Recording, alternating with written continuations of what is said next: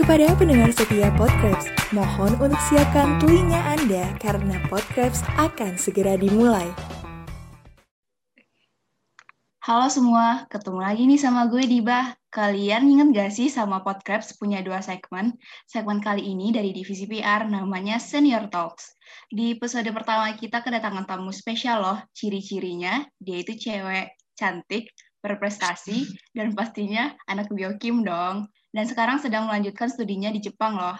Kalian kepo nggak nih sama narasumber kita? Daripada lama-lama, kita kenalan aja yuk. Hai teman-teman. Halo. Aduh tadi kenalannya ini banget ya. Padahal itu Udah makasih loh. aku panggil aja aku Ninis atau di sini aku dipanggil Rina sih. Aku sekarang lagi belajar di Univ Kagawa lagi S2 gitu. Wow. Aku aku Kim. oh iya kak. Uh, boleh ceritain nggak nih awal kenapa kakak milih biokim dan tahu biokim dari mana?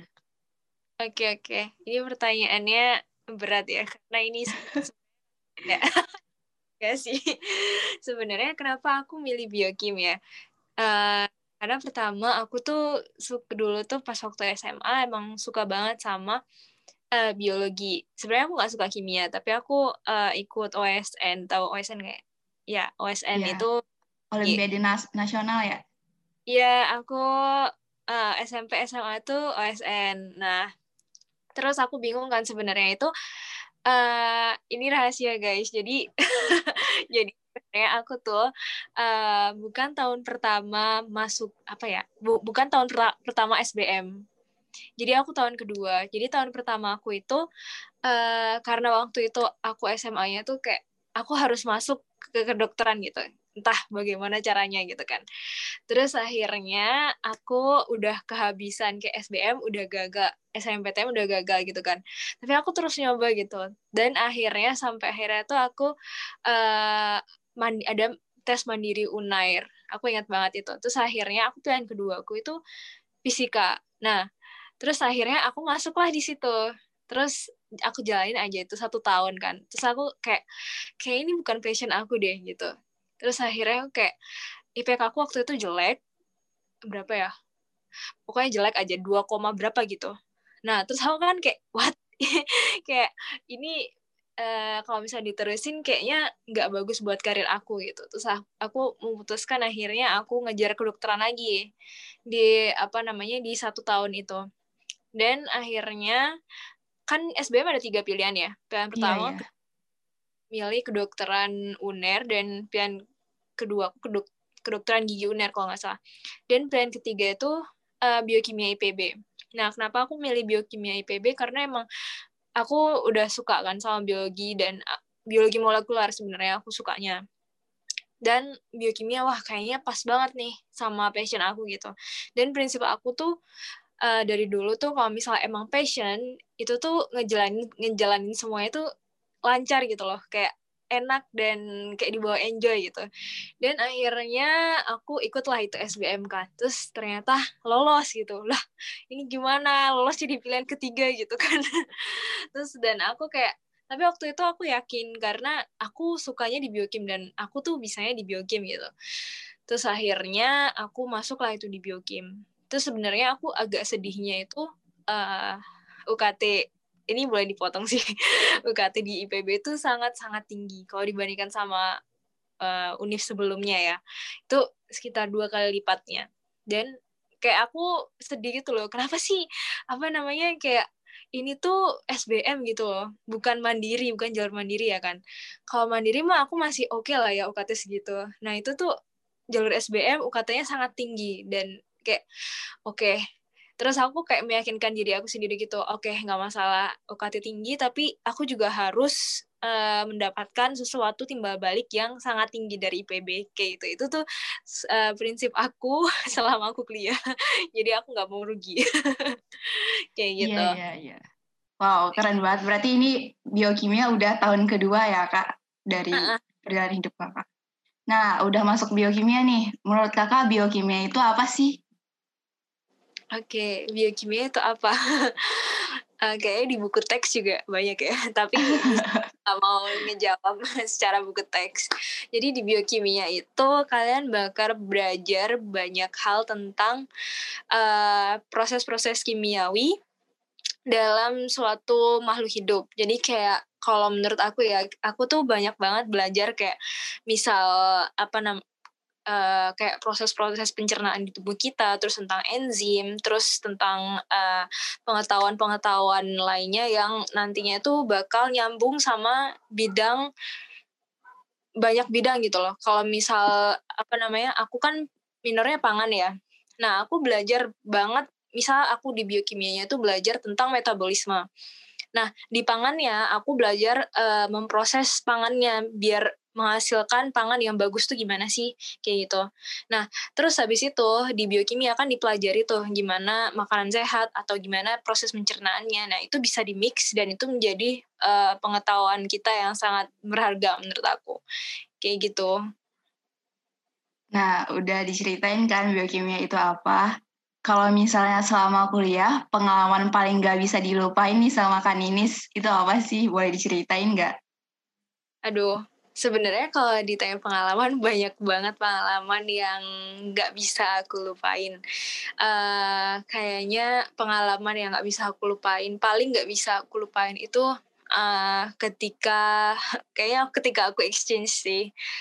Jadi uh, jadi sebenarnya aku waktu itu pernah ikut exchange di univ yang sama juga sekitar satu bulan setengah satu bulan setengah itu prepnya kayak sekitar semester 6 jadi semester 6 eh salah salah semester 5 semester 5 akhir itu aku preparasi untuk uh, exchange ke Jepang terus habis itu aku nyiapin dokumen segala macam.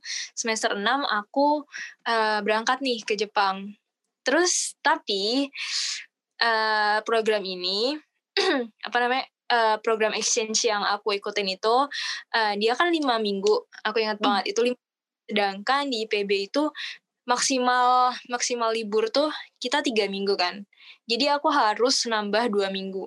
Dan itu sangat-sangat uh, sebenarnya ditentang sama dosenku. Kayak dosen pangan dan dosen biokimia juga wah nggak bisa. Kamu masa pulang-pulang langsung ujian UTS gitu kan nggak lucu gitu kan. Tapi aku kayak meyakinkan mereka bahwa nggak apa-apa loh nggak apa-apa. Tolong izinkan saya aja gitu loh. Cuman izinkan saya aja untuk berangkat. Nggak masalah saya akan belajar nanti di dua minggu terakhir untuk UTS tuh nggak masalah gitu loh. Dan itu emang benar-benar capek banget tapi itu pengalamannya berharga banget buat aku. Dan itu kayak apa ya kayak itu efeknya tuh ke berbagai macam hal gitu loh sampai ke sekarang gitu efeknya kayak gitu. Nah kakak tahu uh, ada exchange ini tuh dari mana sih infonya gitu? Oke okay, oke okay. sebenarnya uh, aku daftar exchange juga nggak nggak pertama kali ya. Jadi aku exchange itu uh, daftar exchange tuh banyak banget. Jadi kalau kalian tahu ICO IPB itu ada Instagramnya itu banyak banget info exchange dan kalian bisa ngeliat apa namanya kayak persyaratannya atau ini match gak sih persyaratannya buat aku atau apa yang kurang apa yang harus aku persiapkan untuk exchange nah itu kalau saran aku itu kalian daftarin semua karena uh, kalian nggak tahu kan apa namanya kayak uh, keberuntungan kalian tuh di mana gitu. Jadi kalau saran aku daftarin semua. Nanti kalau misal ada yang keterima, nah kalian itu sangat-sangat beruntung gitu. Tapi waktu itu aku bukan lewat ICO, aku lewat dosen aku. Jadi uh, dosen aku namanya Bapak Dimas Andrianto. Jadi terima kasih banyak Bapak Dimas Andrianto itu pembimbing aku, pembimbing PA dan PS aku. Jadi beliau uh, memberitahukan info bahwa ada exchange gitu di Universitas Kagawa. Terus terus sebenarnya aku juga nggak suka kalau misalnya exchange terus kemudian disuruh bayar gitu kan. Karena itu kayak itu uh, itu tanggung jawab aku gitu. Aku yang pengen aku nggak mau ngerepotin orang tua aku juga gitu kan. Betul betul. Nah terus ternyata di exchange ini dia ada beasiswanya gitu. Terus kayak wah ini keren banget nih exchange ya maksudnya kayak ini tuh tentang pangan. Tapi ya nggak menutup kemungkinan uh, anak jurusan biokimia itu bisa masuk ke situ gitu. Jadi aku cobain lah cobain aja gitu. Kalau aku kayak orangnya ya cobain aja dulu. Kalau misal dapet ya beruntung. Kalau misal nggak dapet ya cari lagi gitu kan. Terus akhirnya uh, aku apply lewat Pak Dimas. Terus ternyata diterima gitu di exchange-nya. Terus kayak aku kayak sangat-sangat menghargai pengalaman itu. Jadi kayak di di sini tuh nggak cuman main-main doang gitu loh. Ya main-main boleh tapi uh, kayak sekalian di sini tuh kayak bisa penelitian gitu loh. Jadi penelitian aku itu sebenarnya kan di penelitian tuh sebenarnya dimulai semester 8 atau semester 7 akhir ya. Nah, tapi waktu itu sama Pak Dimas ini aku disuruh bawa sampel dari Indonesia. Karena uh, bisa jadi aku bisa penelitian di sini gitu dalam waktu satu bulan tapi itu sangat-sangat mepet ya waktunya. Dan apa namanya dan sebenarnya penelitian di sini itu gratis semuanya itu gratis. Kita tuh bisa uh, minjem alat apa pun dan kita bisa bahan pakai bahan apa pun selama itu ada di lab gitu. Jadi nggak pakai ngebuan dan segala macam. Dan itu sangat-sangat aku sangat-sangat beruntung banget. Makanya aku pas waktu exchange itu benar-benar memanfaatkan kesempatan banget untuk sekalian exchange dan penelitian kayak gitu Aduh, keren banget ya. Boleh ceritain juga nggak nih Kak, penelitian itu gimana dan hmm. prosesnya selama di Jepang itu gimana gitu? Oke, okay, oke. Okay. penelitian uh, prosesnya ya. Aku pertama bicara proses dulu. Jadi pertama itu biasanya kalau exchange itu uh, seleksi dokumen. Seleksi dokumen itu dokumen yang perlu disiapkan itu kayak misal surat rekomendasi, kemudian esai kayak tentang uh, tentang penelitian kita yang akan diteliti atau apa yang ingin kamu teliti di universitas yang kamu tuju gitu. Terus kemudian bahasa juga ditanyakan bahasa at least banget itu bahasa Inggris jadi uh, kalau di Jepang sendiri mereka biasanya pakai TOEFL atau IELTS atau TOEIC biasanya dan sebenarnya itu nggak bagus kalau ada ada tulisannya prediction kalau bisa yang apa namanya kalau bisa kalau kalian ada uh, rezeki mendingan kalian ikut tes TOEFL tapi jangan yang prediction karena itu nggak di apa ya untuk exchange tuh sebenarnya nggak memenuhi syarat kayak gitu. Terus kemudian ada syarat apa lagi ya? Foto dan segala macam terus IPK juga ditanyain terus kayak pengalaman. Jadi kayak kita menceritakan selama kuliah kita tuh ngapain aja sih? Kalau misalnya kita diem doang kayak misal belajar doang itu tuh sangat-sangat tidak menarik untuk tulis esai kan. Jadi uh, kalau bisa selama kuliah itu banyakin pengalaman. Banyakin interaksi dengan orang. Entah pengalaman orang Jepang tuh paling suka dengan kalau menurut aku ya kalau menurut aku mereka tuh paling suka dengan kayak uh, volunteering program. Terus kemudian kayak kita ikut lomba-lomba walaupun nggak menang itu nggak masalah gitu. Tulis aja pengalaman kamu. Atau kalau misal di Unif Indonesia tuh ada PKM atau bisnis atau pokoknya yang bisa kalian tulis di esai kalian. Jadi semenarik mungkin uh, nah terus habis itu rancangan penelitian jadi kalau bisa kamu tuh udah tahu gitu uh, sebelum kamu berangkat kamu tuh mau ngapain gitu di exchange itu mau penelitian tentang apa kayak gitu. Jadi kalau bisa kalian uh, kayak memperkaya informasi dan kayak uh, mengusulkan ide penelitian sedini mungkin ke dosen pembimbing kalian. Nah, ketika udah ah aku udah aku udah tahu nih mau penelitian apa. Nah, ntar konsul sama dosen terus kemudian kalian ngedraft tuh buat uh, untuk ke sensei yang di sini ya. Jadi waktu itu aku sebenarnya mau penelitian tentang diabetes dan penelitian tentang antioksidan. Nah, kalau di sini, kalau di Indonesia, eh maksudnya kalau misalnya di Indonesia, itu penelitian antioksidan dan diabetes itu sangat-sangat mahal. Nggak sangat-sangat mahal, tapi mahal gitu ya kan, termasuk mahal. Beli enzim dan reagen segala macam kayak itu sangat-sangat membutuhkan uang yang nggak sedikit gitu. Terus akhirnya Pak Dimas menyuruh aku untuk oke okay, bawa aja sampel kamu uh, ke Jepang. Nanti tanya ke sensei boleh nggak saya penelitian sekalian di sini. Terus senseinya itu sangat-sangat senang gitu, sangat-sangat surprise. Wah berarti anak ini kayak apa ya? Kayak udah prepare gitu loh. Nggak cuman nggak cuman ah aku mau main-main doang di exchange atau aku mau bikin stories doang lah untuk exchange gitu stories Instagram ada loh yang kayak gitu ya ya ya Habis itu, nah pas exchange ini benar-benar apa ya kayak kesempatan emas buat kalian untuk ngedeketin uh, dosen yang di sini. Kalau misalnya aku dosen yang kagak ngedeketin maksudnya kayak diskusi ya.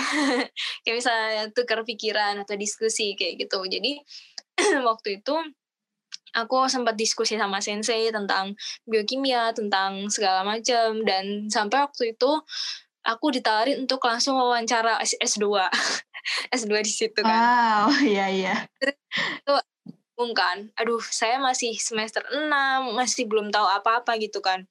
Tapi menurut aku kalau aku kan orangnya yang aku bilang tadi ya kayak ya udah coba aja dulu gitu kan. Terus akhirnya ya udah akhirnya aku nyoba lah itu wawancara. Tapi namanya pre interview jadi belum kayak interview yang sesungguhnya gitu. Jadi pre interview untuk ntar S2 terus ya udahlah aku kayak oke okay, aku beraniin diri walaupun aku dari biokim dan itu programnya itu adalah food safety which mean aku cuman minor doang gitu di situ. Dan yang teman-teman yang lain tuh dari food technology dan segala macam jadi waktu itu dari Indonesia ada tiga, dari UGM satu, dari Diponegoro satu, dan mereka berdua dari food technology dan aku sendiri yang dari biokim. Jadi sebenarnya biokim itu nggak menutup kemungkinan untuk kamu masuk di, uh, misal kayak misal kamu pengennya di pangan atau di farmasi itu nggak menutup kemungkinan untuk kamu bisa berkarir di uh, bidang itu kayak gitu. Keren banget ya, itu kayak perjalanan yang berharga banget selama kuliah Nah, tadi kan kakak bilang kalau bisa uh, selama kuliah banyakin pengalaman. Nah, pengalaman kakak selama kuliah itu apa aja sih? Boleh diceritain nggak? Oke, sebenarnya kalau aku tuh uh, orangnya ada target gitu. Karena tadi itu aku dapat UKT kan tinggi banget ya. Jadi aku sangat mentargetkan aku harus apa sih istilahnya balik modal gitu loh aku harus balik modal kalau bisa IPB harus bayar aku gitu ini nggak bagus sih tapi kayak ini kayak buat malah buat semangat gitu loh buat aku sendiri jadi pertama itu di tahun pertama aku nggak akan uh, di tahun pertama itu saya nggak nggak ikut apa-apa. Jadi fokus untuk belajar. Kenapa? Karena di tahun pertama aku mau lihat nih uh, eh, IPK aku uh, bagus atau enggak. Maksudnya kayak aku bisa menyesuaikan diri atau enggak di biokim ini kayak gitu kan. Terus semester 1 oke okay, fine. IPK aku nggak ada masalah gitu. Terus habis itu semester 2 nih, semester 2 uh, mulai nih agak apa namanya nyari-nyari pengalaman. Waktu itu aku pernah ikut LKIP panitia. Jadi uh, mulai nyoba-nyoba kepanitiaan gitu. Terus habis itu wah seru juga nih kayak uh, kalau aku ya di selama kuliah itu aku harus ikut organisasi, harus ikut lomba, harus ikut dapat beasiswa itu target aku sih. Tapi enggak dalam satu tahun itu harus semuanya gitu enggak. Jadi di target gitu, kayak di step step step. Jadi semester 2 aku cuman ikut beberapa kali kepanitiaan. Kemudian di semester 3 aku ikut Krebs. Nah di Krebs ini aku kayak uh, bergaul sama orang-orang dan kayak aku menyerap energi positif dari mereka gitu dan apa namanya di semester 3 ini emang sih semester 3 itu jujur kuliahnya berat banget menurut aku. Tapi uh, organisasi itu juga penting karena itu bakalan ditanyain entah kalian kerja entah kalian lanjut S2 itu pasti ditanyain kan. Jadi aku kayak walaupun aku punya tugas aku harus uh, tanggung jawab juga nih sama uh, posisi jabatan yang aku pegang di organisasiku gitu. Terus kemudian uh, di semester 4 ya di semester semester 4 itu aku ikut uh, Krebs lagi. Jadi aku ikut Krebs, tapi kali ini jabatannya lumayan tinggi nih, bendahara. Terus kemudian aku juga pernah ikut lomba KTI, terus ikut lomba bisnis plan juga waktu itu. Terus ikut PKM juga. Terus itu tapi kayak steps by step gitu loh, semester 4, semester 6, semester 8, dan di semester 5, eh salah, ya semester lima alhamdulillah aku dapat beasiswa dari Ion Ion gak ya kayaknya di ini ada deh apa namanya di di webnya IPB Ion One Percent Club Foundation itu uh, beasiswa yang menurut aku bagus Kenapa aku bilang bagus? Karena dia ketika aku daftar itu sama sekali nggak memasukkan background orang tuaku. Jadi kalau yang beasiswa yang lain kan biasanya suruh ada surat keterangan dari kelurahan atau segala macam kan. Atau uh, bukti gaji orang tua dan segala macam. Tapi kalau misalnya Ion ini pure uh, dari usaha kita. Jadi kayak misal uh, nulis esai kemudian IPK dan segala macam itu emang dimasukin. Dan itu pure dari usaha kita gitu. Dan itu aku laki banget karena sebenarnya itu satu IPB itu cuman diambil enam orang. Aku salah satu di apa namanya di enam orang itu dan kayak wow ini sangat sangat miracle banget dan alhamdulillahnya itu bisa nutup biaya kuliah gitu. Nah di beasiswa Ion itu sendiri ada semacam programnya gitu nggak kak untuk melatih diri? Apa emang pure ngasih? Paham paham. Jadi kalau misal di Ion itu uh, kalau misal yang beasiswa lain kayak misal di apa sih aku lupa jadinya yang aku lupa namanya tapi ada teman aku yang dapat beasiswa A itu kayak mereka ada pelatihan dan segala macam gitu ya Nah kalau di Ion ini dia tuh nggak ada pelatihan sebenarnya, cuman pas waktu awal kayak ada seremoni gitu. Uh, disatuin sama orang-orang yang keren-keren tuh dari IPB. Nah sebenarnya nggak ada pelatihan, tapi karena aku kenal dengan orang-orang yang lumayan keren itu di IPB, jadi aku bisa bertukar ide sama mereka, kemudian aku bisa diskusi sama mereka, sama kayak aku bisa apa ya mencontoh gitu loh ih dia keren banget ya kapan aku bisa kayak mereka kayak gitu. Dan di situ tuh kayak isinya duta mapres kayak gitu gitu jadi aku bisa menginspirasi yang orang-orang yang bisa menginspirasi aku gitu loh. Jadi aku kayak lebih semangat dan apa namanya aku merasa sih kayak sebenarnya awalnya aku merasa kayak ih kenapa sih aku? Aku kan gak ada apa-apanya gitu dibanding orang-orang yang lain gitu kan. Tapi ya aku kayak uh, bersyukur banget karena aku bisa kenal mereka-mereka ini dan aku bisa belajar dari mereka gitu. Nah, kita kilas balik lagi ya, Kak. Tadi kan Kakak ditawari oleh dosen di Jepang untuk lanjutin S2. Boleh ceritain lagi nggak kenapa akhirnya Kakak jadi S2 di Jepang dengan universitas yang sama kayak Kakak exchange tadi? Ah, oke okay, oke. Okay. Oke, okay, makasih atas pertanyaannya. Jadi kayak kenapa gitu ya aku milih untuk kuliah di sini. Nah sebenarnya, nah ini balik lagi ke target aku. Jadi target aku itu ketika aku lulus kuliah, aku udah harus, aku harus udah tahu aku mau ke mana. Entah itu mau kerja atau mau kuliah. Tapi syaratnya adalah aku nggak mau membani orang tua aku lagi. Aku udah udah cukup gitu untuk selama ini kayak udah baik banget orang tua aku untuk uh, membiayai aku kuliah dan sampai sampai terakhir aku apa namanya kuliah pun masih dibiayai orang tua gitu kan. Makanya aku setelah kuliah nggak akan nggak akan kayak misalnya kayak uh, kalau bisa aku yang bantu mereka gitu gantian gitu loh. Jadinya terus kemudian kenapa aku pilih program ini? Karena menurut aku pertama programnya itu bagus. Dan kedua uh, karena ini dipilihnya tuh sebelum kelulusan. Jadi ketika aku lulus jarak dua bulan atau satu bulan tuh langsung mulai kuliah lagi. Jadi itulah yang aku pertimbangin. Dan emang passionku hmm. juga sebenarnya aku suka pangan juga. Jadi aku suka uh, meneliti tentang biokimia, tapi aku juga suka belajar tentang pangan karena kayak menarik aja gitu bisa tahu fun fact tentang pangan.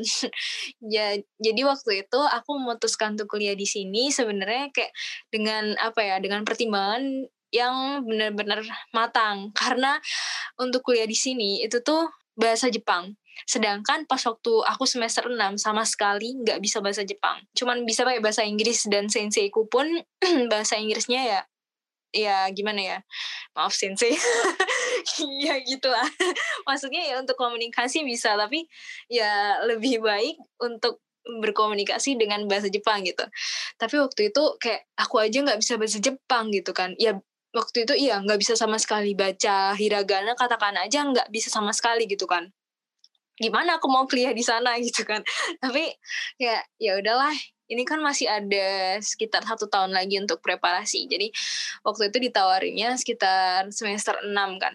Semester 6 akhir atau udah masuk eh salah salah semester 7 jadi masih ada waktu satu tahun untuk mempersiapkan bahasa bahasa Jepang gitu. Dan aku sukanya program ini kenapa aku kayak bela-belain banget? Karena prospeknya bagus. Jadi untuk program ini itu uh, nantinya akan langsung dijuruskan kayak ada ikatan gitu dengan perusahaan di Jepang. Jadi ketika aku lulus nanti aku ikut apa namanya ikut uh, aku lupa bahasa Inggris aku ikut rekrutmen uh, rekrutmen kerja di sini. Kemudian nanti dikerja dipekerjakan bukan dipekerjakan ya di, uh, aku kerja di perusahaan pangan di Jepang gitu dan itu sangat-sangat prospektif buat aku ya kan. Udah aku yang dibayarin terus habis itu dicariin kerja lagi kan. Jadi menurut aku tuh worth it banget untuk aku harus uh, kayak struggling di bahasa Jepangnya gitu. Jadi waktu itu aku memutuskan oke okay, fine aku harus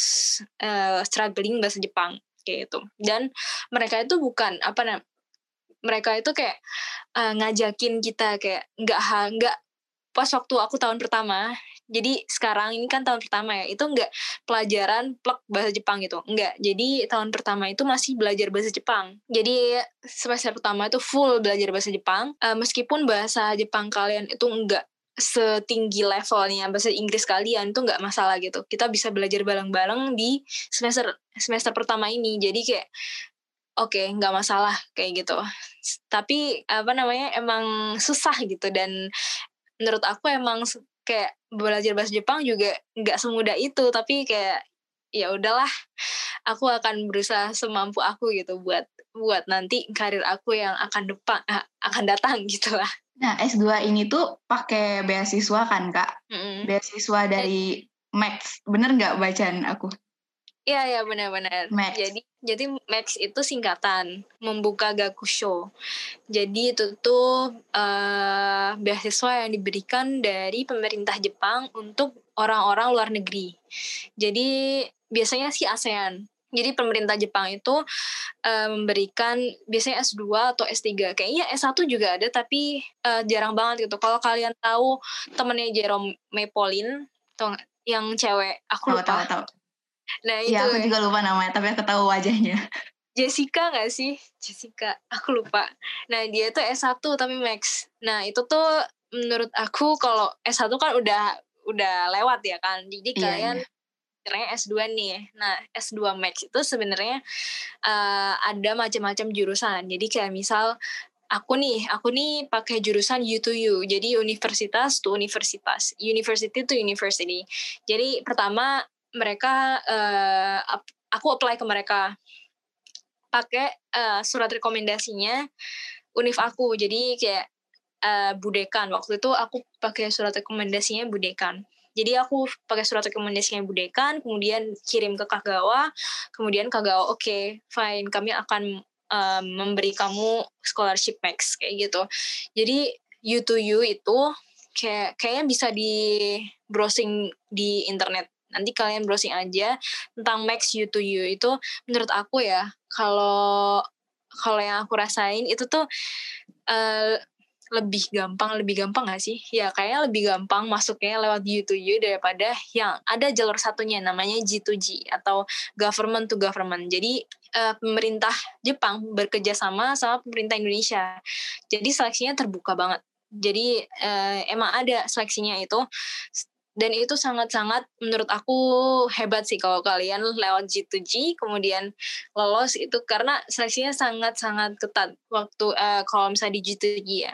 Karena dia nggak pakai lewat univ kan. Jadi univ apa pun bisa tapi uh, harus kayak tes dan segala macam. Tapi kalau misalnya program aku aku tuh cuman perlu ngirim-ngirim dokumen kemudian karena memang dari dulu emang Kagawa itu sudah kerjasama dengan orang IPB, jadi uh, pakai surat dari orang IPB pun bisa gitu untuk masuk di sana. Tapi bukan berarti sayangannya nggak ada.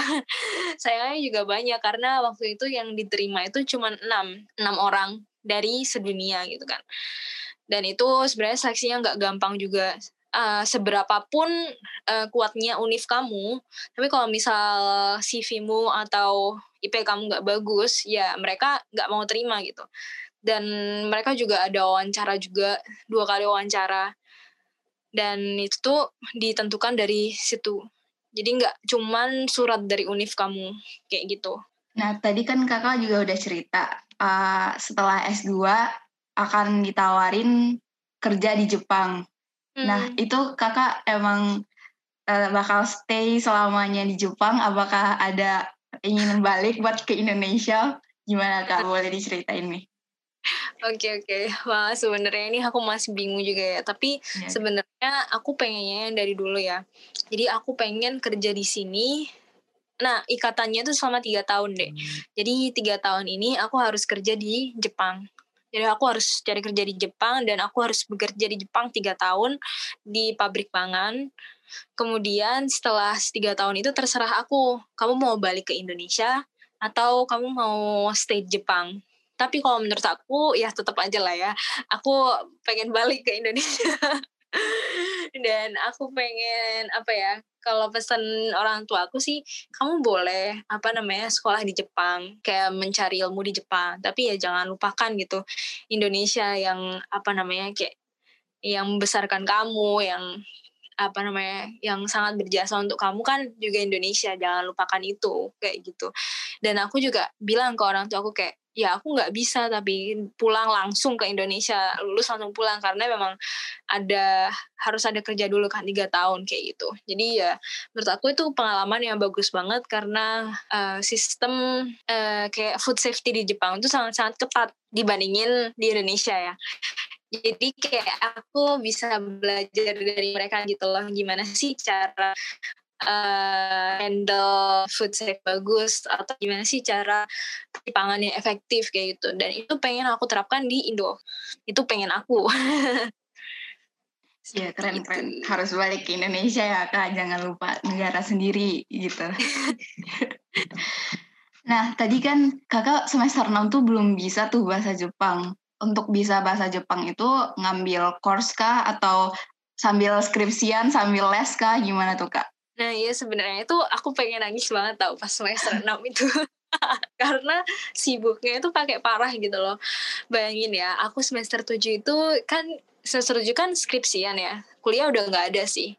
Itu sudah skripsian full kan. Jadi kayak penelitian disambil sama uh, kayak belajar bahasa Jepang dan uh, nyiapin untuk wawancara. Jadi uh, ada tiga poin dan take TOEFL juga, TOEFL yang terbaru. Dan kalian tahu harganya TOEFL itu sangat-sangat mahal buat yeah, aku. Iya. dan aku mau kalau misal aku belajar bahasa Jepang, aku tuh pasti lupa bahasa Inggris gitu loh. Jadi bingung banget dan waktu itu saya emang sibuk banget sih. Waktu itu aku cara belajarnya itu uh, aku belajar sendiri. Aku nggak nggak les ke orang. Itu salah satu kejujuranku. Karena aku tipenya uh, apa ya? Aku tipenya reading. Jadi aku beli buku, beli buku ada di Grand Indonesia sebenarnya di Kinokuniya. Itu ada banyak banget buku Nihongo. Kalau kalian mau belajar atau kalian juga kalau misal kalian tipenya pengen diajarin sama orang, kalian bisa ikut les. Atau di sebenarnya di IPB tuh mereka buka kelas bahasa gitu. Tapi uh, kelas bahasanya tuh kayaknya bukan privat gitu loh kelas bahasanya yang kayak 10 orang, 15 orang kayak gitu. Dan aku waktu itu kan nggak cukup waktunya uh, untuk belajar banyak uh, kayak nggak bisa menyesuaikan dengan uh, pace studi aku gitu loh. Jadi pas waktu itu aku ditarget N4 pokoknya ada target gitu loh. Dan aku harus sangat-sangat belajar dengan keras. Kalau misal aku menyesuaikan dengan les-lesan yang ada di Indonesia nggak akan kekejar. Maka dari itu aku memutuskan untuk belajar sendiri. Nah kalau misal nggak ngerti gimana? Nah aku punya temen orang Jepang. Jadi selama aku kuliah aku pernah uh, ikut volunteering program namanya Suiji. Suiji program itu, nah ini tuh nggak tahu ya, ini tuh kayak kebetulan banget. Uh, Suji program itu uh, Suji uh, volunteering program sama orang Jepang. Dan orang Jepangnya adalah uh, dari Univ Kagawa. Jadi sama gitu loh. Jadi tapi nggak Univ Kagawa ada Kochi sama Ehime kalau nggak salah. Nah tiga Univ itu datang ke Indonesia terus kita uh, volunteering bareng ke suatu desa. Kemudian di situlah aku kenal sama orang-orang Jepang. Jadi ketika aku nggak aku nggak bisa aku telepon teman orang orang teman Jepang aku. Jadi kayak mereka kan orang Jepang dan uh, penjelasan mereka itu nggak akan nggak akan salah gitu kan. Jadi ya gitu deh. Aku dan aku memutuskan kayak oke okay, aku nggak butuh guru tapi aku butuh teman orang Jepang nih. Jadi kayak itu dan aku juga sebenarnya les itu mahal. FYI kalau les bahasa Jepang kalau les bahasa Inggris kayaknya banyak gitu kan orang yang bisa. Dan kalau misal bahasa Jepang itu tuh sedikit banget orang yang bisa dan kayak aku nyari-nyari pun itu itu tuh biayanya sangat mahal sekitar uh, sejuta dua jutaan itu per bulan kalau nggak salah ya dan kalau misal privat dan aku kan butuhnya kan cepet. Maksudnya aku ada target gitu loh. Nah itu pun malah lebih mahal gitu. Akhirnya ya udahlah aku beli buku aja. Kalau misal aku nggak ngerti aku akan tanya ke temen aku kayak gitu. Aku memutuskannya kayak gitu sih. Terus alhamdulillahnya pas waktu Desember itu aku belum aku waktu Desember tuh nggak lulus N4 Terus kemudian dan di waktu yang ditargetin waktu itu bulan apa ya? Aku lupa. Januari kalau nggak salah. Eh, aku lupa pokoknya waktu yang ditargetin itu alhamdulillahnya lolos N4 kayak gitu. Jadi FYI kalau di bahasa Jepang tuh ada N5, N4, N3, N2, N1. N1-nya paling susah paling gampang N5 dan aku kayak masih belajar hiragana katakan aja nggak bisa gitu dan dalam beberapa bulan harus take N4 itu kan what like kayak oh my god. Ini kayak shock banget pressure banget buat aku. Tapi ya kita bisa lah melalui itu kalau misalnya kita niat. Akhirnya aku bisa nih N4 terus ada target lagi nih N3 nah alhamdulillahnya udah sih udah terlewati target ini. Jadi sekarang aku lagi ngejar untuk N2 kayak gitu. Kalau misal minimal syarat buat uh, ke Jepang itu N berapa kak? Nah, untuk syarat ke Jepangnya itu N4. Jadi sebelum kalian daftar program ini lebih baik, kalian tuh menyiapkan uh, eh, JLPT N4. Sebenarnya nggak harus JLPT. Uh, eh, tes bahasa Jepang pun ada bagai, uh, berbagai macam gitu. Ada NAT test, ada J test. Yang aku tahu itu sih, tiga itu sih. Jadi kalian bisa uh, daftar ke tes-tes ini kalau misal tes ini di cancel gitu karena karena covid kayaknya JLPT nggak ada tapi NAT kayaknya masih ada jadi kalian harus menyiapkan uh, minimal N4 untuk uh, tapi menurut aku ya nggak uh, susah itu gitu kalau kalian tuh berusaha pasti kalian tuh bisa ya itu emang klasik sih tapi kalau menurut aku itu benar-benar uh, tergantung motivasi dalam diri kalian. Kalau kalian emang udah men-set target, ah gue mau lulus bulan ini, ya kalian pasti belajar kan. Nah maka dari itu kalian tuh pasti bisa gitu sebenarnya. Dan sebenarnya lidah orang Indonesia tuh nggak nggak jauh-jauh beda pronunciationnya sama orang Jepang. Jadi nggak sesusah itu sebenarnya. Kalau kalian ya yang penting kalian semangat.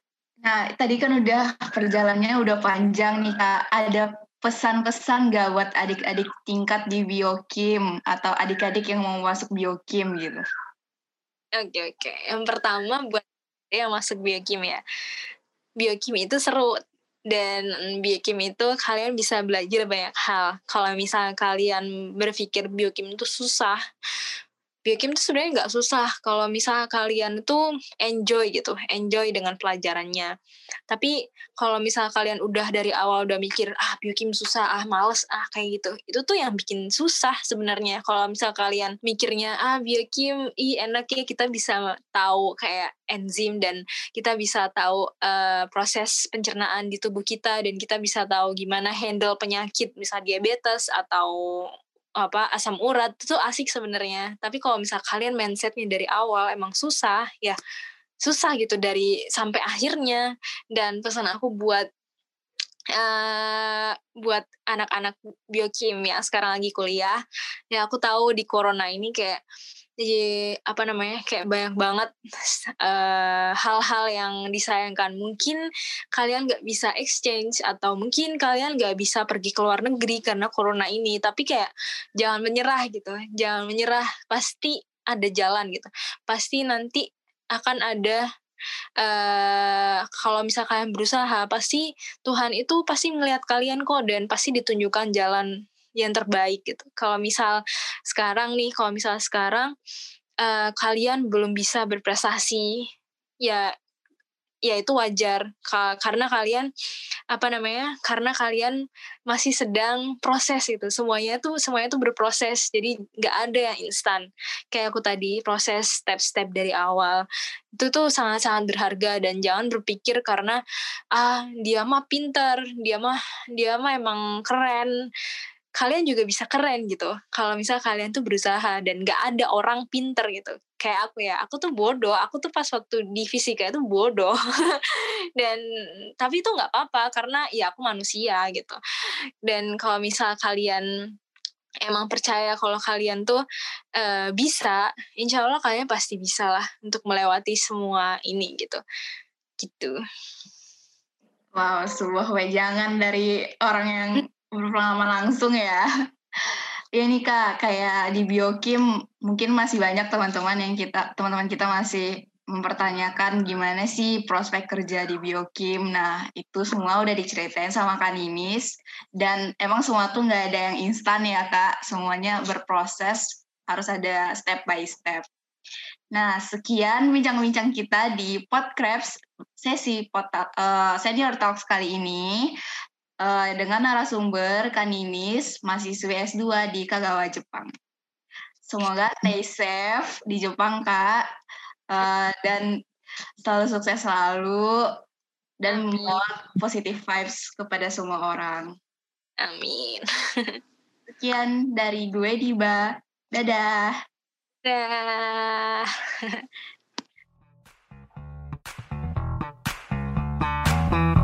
Terima kasih. Anda baru saja mendengarkan podcast. Tetap semangat dan nantikan episode podcast selanjutnya.